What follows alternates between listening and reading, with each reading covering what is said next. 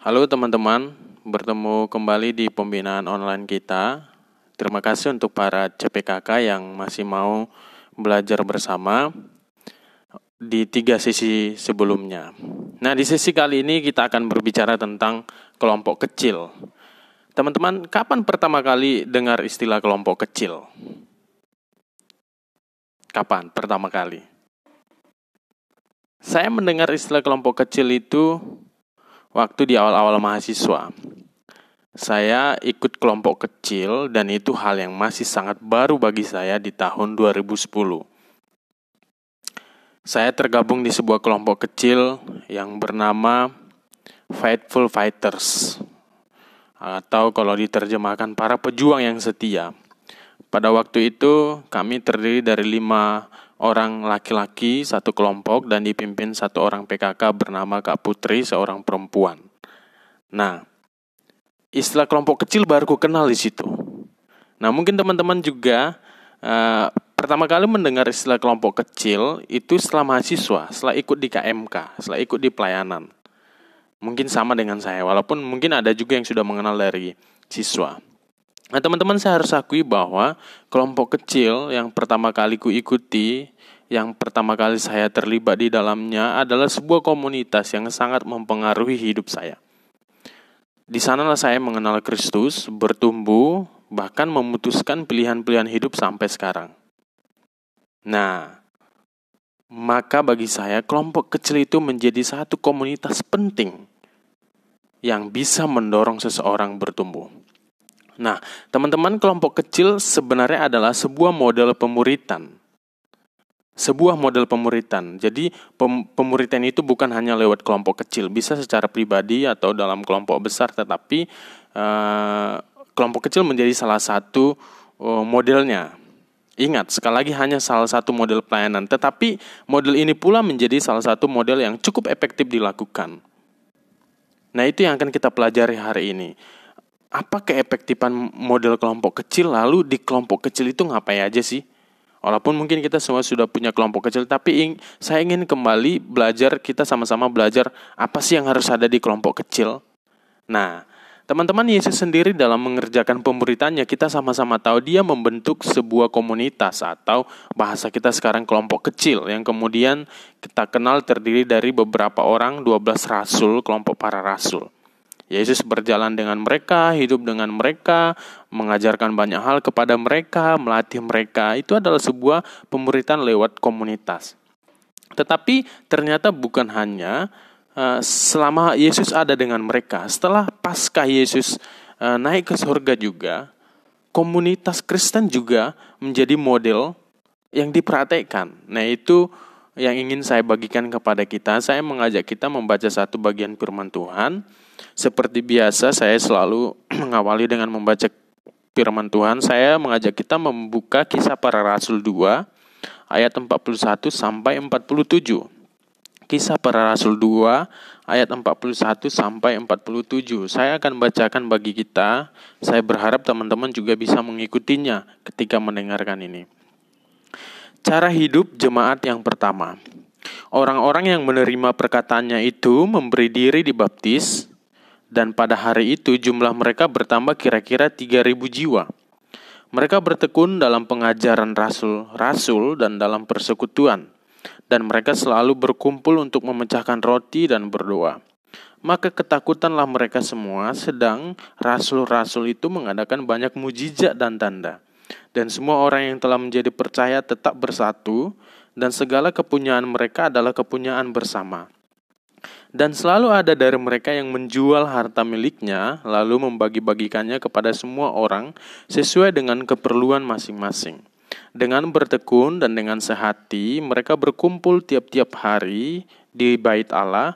Mereka memecahkan roti di rumah masing-masing secara bergilir dan makan bersama-sama dengan gembira dan dengan tulus hati, sambil memuji Allah dan dan mereka disukai semua orang dan tiap-tiap hari Tuhan menambah jumlah mereka dengan orang yang diselamatkan. Demikian firman Tuhan yang saya bacakan bagi kita. Nah, teman-teman, perhatikan ayat 41.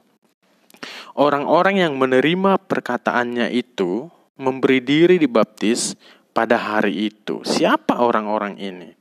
Yang menerima perkataan, apa maksudnya? Teman-teman kalau kita lihat sebelumnya, Petrus berkhotbah, lalu kemudian dicatat banyak sekali orang yang bertobat. Khotbah Petrus membuat orang bertobat, lalu mereka yang bertobat ini, yang menerima perkataannya ini, memberi diri dibaptis, dan mereka kemudian bertekun, berkumpul, membentuk satu komunitas. Nah, perhatikan mereka berkumpul. Nah, inilah model komunitas yang terjadi pada waktu ini. Nah, teman-teman, bagian yang ingin saya bagikan adalah bagi saya waktu merenungkan ini bahwa seseorang murid atau seorang Kristen yang baru bertobat tidak cukup hanya bertobat, tapi butuh satu komunitas. Nah, perhatikan tadi mereka yang bertobat lalu kemudian memberi diri mereka berkumpul di dalam satu komunitas. Nah, inilah pentingnya kelompok kecil. Kelompok kecil itu menjadi satu tempat seseorang bisa bertumbuh bahwa ketika orang bertobat, mengenal Tuhan dan menyadari kesalahan-kesalahannya, dia perlu lebih lagi uh, bertumbuh di dalam satu komunitas. Kenapa harus komunitas? Karena komunitas itu bisa menjadi tempat bersama belajar firman Tuhan. Seperti yang diperhatikan oleh cara hidup jemaat mula-mula. Jadi bagi saya agak aneh kalau seseorang yang mengaku bertobat tapi enggan rasanya untuk berkumpul atau bersekutu dengan yang lain. Nah teman-teman coba perhatikan nih model komunitas atau dalam bahasa sekarang kelompok kecil itu sangat efektif untuk menolong seseorang untuk bertumbuh. Nah, itu yang menurutku hal pertama yang harus kita ketahui bahwa ketika teman-teman akan memimpin adik-adik di dalam satu kelompok kecil itu akan menjadi tempat mereka mengenal Tuhan, tempat mereka bertumbuh, tempat mereka belajar bersama. Nah, kalau begitu saya ingin kembali menjelaskan ke, ke, kepada kita kira-kira apa yang harus ada di dalam kelompok kecil itu? Apa yang harus ada di dalam kelompok kecil? Atau komunitas orang percaya, komunitas orang Kristen. Teman-teman, eh, kalau kita lihat, saya akan coba menjelaskan dari eh, bagian ini bahwa satu komunitas Kristen itu disebut menjadi komunitas yang baik atau satu kelompok kecil yang baik itu kalau di dalamnya kalau di istilah pelayanan kita sering disebut dengan 3P1M. Sekali lagi ya. Satu komunitas yang baik itu dicirikan komunitas Kristen atau kelompok kecil dicirikan dengan adanya 3P1M. Apa itu 3P1M? Mungkin kita sudah pernah mendengarkan tapi saya akan coba jelaskan. Yang pertama adalah pengajaran, yang kedua penyembahan, yang ketiga persekutuan, dan yang keempat adalah misi. 3P1M pengajaran, penyembahan, persekutuan, dan misi. Mari kita coba lihat satu persatu. Teman-teman, saya akan menjelaskannya dari apa yang barusan saya baca. Coba perhatikan, apa yang dilakukan oleh jemaat mula-mula itu di dalam perkumpulan itu, di dalam komunitas itu. Yang pertama yang mereka lakukan dicatat di sana adalah mereka ayat 42 bertekun dalam pengajaran rasul-rasul dan dalam persekutuan. Yang pertama yang mereka lakukan adalah belajar. Pada waktu itu mereka belajar uh, dari para rasul-rasul. Tentu yang mereka pelajari adalah firman Tuhan, uh, yang mereka pelajari adalah uh, ajaran-ajaran Yesus pada waktu itu. Nah, maka pengajaran menjadi satu komponen atau satu hal yang harus ada di dalam kelompok kecil. Itu sebabnya kenapa kita kalau di kelompok kecil itu ya belajar firman Tuhan lewat apa? Lewat bahan, lewat satu diskusi. Kita belajar dari Alkitab pengajaran harus ada di dalam satu komunitas Kristen. Jadi uh, kelompok kecil itu bukan hanya sekedar di dalamnya ngumpul-ngumpul, tetapi uh, di dalamnya ada pengajaran-ajaran yang membuat kita semakin mengenal Tuhan, yang membuat kita semakin bertumbuh. Maka teman-teman, uh, ini bagian yang pertama, P yang pertama. Lalu yang kedua, perhatikan kemudian yang mereka lakukan dan mereka selalu berkumpul untuk memecahkan roti dan berdoa. Mereka kalau yang pertama tadi mereka bertekun di dalam pengajaran rasul-rasul, yang kedua mereka berkumpul memecahkan roti dan berdoa. Apa maksudnya ini? Memecahkan roti dan berdoa pada waktu itu adalah momen untuk mengingat kembali apa yang dilakukan Tuhan Yesus. Ini adalah momen mereka ketika mereka memecahkan roti, berdoa itu momen mereka menyembah kepada Tuhan, mengingat apa yang dilakukan Yesus selama hidupnya dan itu membuat mereka mengingat kebaikan-kebaikan Tuhan. Jadi memecahkan roti itu semacam seremonial bagi mereka untuk menyembah Yesus dan berdoa juga adalah momen untuk menyembah Yesus. Itulah sebabnya sering sekali uh, bukan sering sekali ya, itu sebabnya salah, salah satu komponen kelompok kecil atau komunitas Kristen itu yang baik itu adalah ketika di dalamnya ada penyembahan kepada Tuhan. Penyembahan akan menolong kita mengingat kebaikan-kebaikan Tuhan. Nah, biasanya kita lakukan di dalam kelompok kecil ini lewat jam doa, lewat doa sebelum uh, eh, PA berdoa dulu atau bernyanyi. Ini semua adalah uh, cara-cara kita untuk menyembah Tuhan. Nah, itu yang itu yang kedua. Yang pertama tadi satu kelompok kecil dicirikan dengan adanya pengajaran, yang kedua dicirikan dengan adanya penyembahan. Lalu yang ketiga, coba perhatikan ayat 44. Dan semua orang yang telah menjadi percaya tetap bersatu dan segala kepunyaan mereka adalah kepunyaan bersama. Ini sesuatu yang unik. Jadi mereka saling berbagi.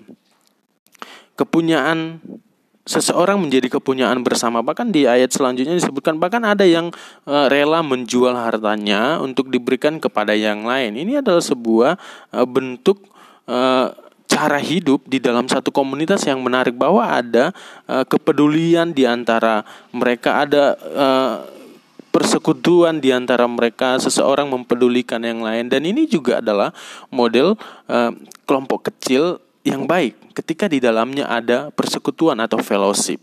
Ketika antara anggota ada kepedulian kepada yang lain uh, ketika uh, sukacita menjadi sukacita bersama, ketika penderitaan menjadi penderitaan bersama, ketika ada waktu untuk saling menguatkan, saling menginspirasi. Nah, teman-teman, ini adalah bagian yang ada juga harus ada di kelompok kecil, persekutuan. Nah, kita uh, uh, gampang sekali kalau di dalam kelompok kecil malah ini sering menjadi poin yang yang penting. Kadang-kadang malah di kelompok kecil yang paling kita rindukan adalah persekutuannya.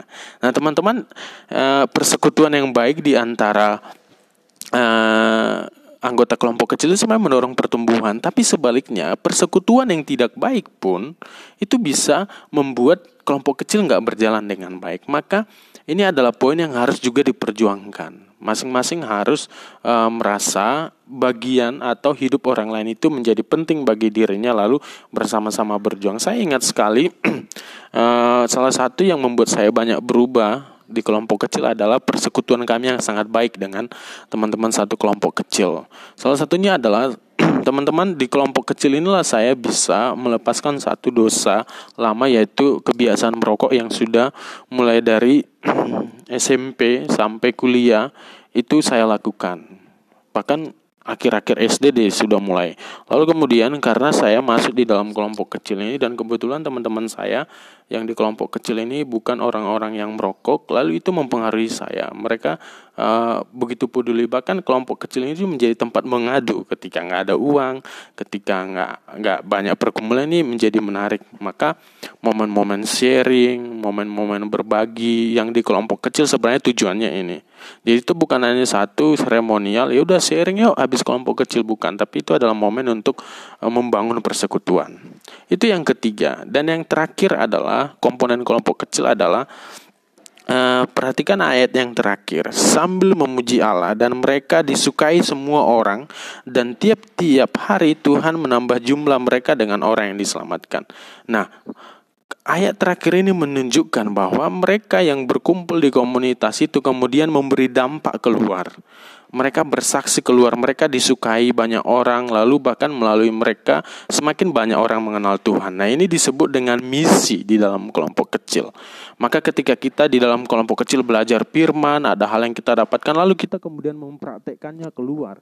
Kita uh, melakukan satu proyek-proyek ketaatan, baik uh, melalui kegiatan atau hal. Itulah sebabnya setiap kelompok kecil diharapkan ada proyek ketaatan. Misalnya satu bahan kita belajar tentang melayani, lalu kemudian kita praktekkan dengan terlibat di pelayanan. Kita mulai jadi song leader, kita mulai menjadi pemusik jika itu yang kita punya, lalu kemudian kita mulai berbagi firman Tuhan. Maka salah satu ciri kelompok kecil yang baik adalah ketika orang-orang di dalamnya itu terlibat melayani keluar atau bersaksi keluar. Jadi nggak hanya di kelompok kecil.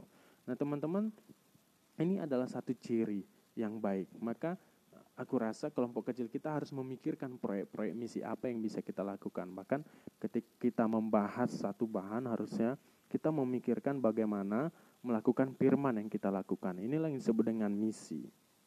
Nah, sekali lagi eh, komponen komunitas Kristen atau kelompok kecil yang baik itu ketika di dalamnya ada pengajaran, ada penyembahan, ada persekutuan, dan yang terakhir ada misi atau dampak atau bersaksi keluar. Nah, teman-teman ini yang kita perjuangkan. Dan itu juga lah yang dilakukan oleh komunitas jemaat mulai. Nah, bagi kita para PKK inilah yang terus kita pengen praktekkan, kita pengen perjuangkan dan bagi kita mungkin yang sedang terlibat di kelompok kecil inilah harusnya kelompok kecil yang ideal. Nah, teman-teman di bagian penutup ini ini eh, saya akan menutup bahwa kelompok kecil adalah sebuah model pemuritan yang baik Kelompok kecil adalah sebuah komunitas yang menjadi tempat orang bertumbuh dan tempat orang mengalami Tuhan. Dan di dalamnya seperti John Stott pernah berkata, empat tanda kehidupan murid di dalam satu komunitas atau empat ciri-ciri murid yang hidup di dalam komunitas. Yang pertama, mereka yang belajar firman Tuhan. Yang kedua, mereka yang di dalam komunitas saling mengasihi dan bersekutu. Yang ketiga atau uh, persekutuan yang ketiga, sorry, yang pertama mereka yang belajar firman Tuhan, yang di dalam komunitas belajar firman Tuhan atau pengajaran, lalu mereka yang di dalam komunitas saling mengasihi dan bersekutu atau persekutuan, lalu yang ketiga mereka yang semakin mengenal Tuhan dan menyembah Tuhan atau penyembahan, dan yang terakhir mereka yang di dalam komunitas mau bersaksi, berdampak melayani keluar atau yang kita kenal dengan misi. Nah, teman-teman itu yang bisa saya bagikan dan di sesi berikutnya kita masih akan bicara tentang kelompok kecil, khususnya bagaimana membangun dinamika kelompok kecil ini. Nah, terima kasih sudah belajar bersama. Mudah-mudahan apa yang saya sampaikan menolong kita. Amin.